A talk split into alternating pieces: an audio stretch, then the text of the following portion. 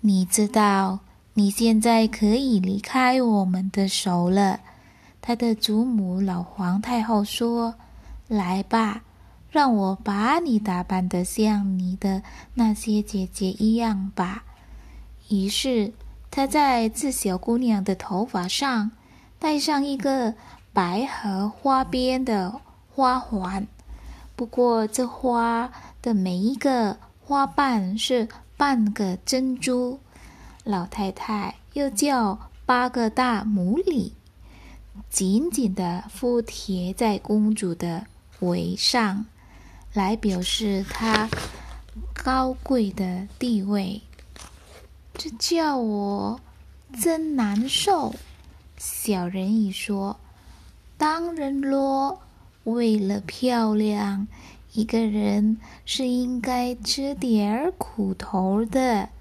老祖母说：“哎，他倒真想能摆脱这些装饰品，把这沉重的花环扔向一边。他花园里的那些红花，他戴起来。”又适合的多，但是他不敢这样办。再会吧，他说。于是他轻盈的和明朗的，像一个水泡冒出水面来。当他把头伸出海面的时候，太阳已经下落了。可是，所有的云块还是像玫瑰花和黄金似的发着光。同时，在这淡红的天上，太白星已经在美丽的、光亮的眨着眼睛。空气是温和的、新鲜的。还是非常平静的。这儿停着一艘有三根桅杆的大船，船上只挂了一张帆，因为没有一丝风吹动。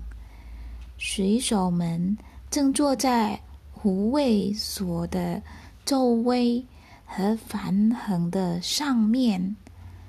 这儿。有音乐，也有歌声。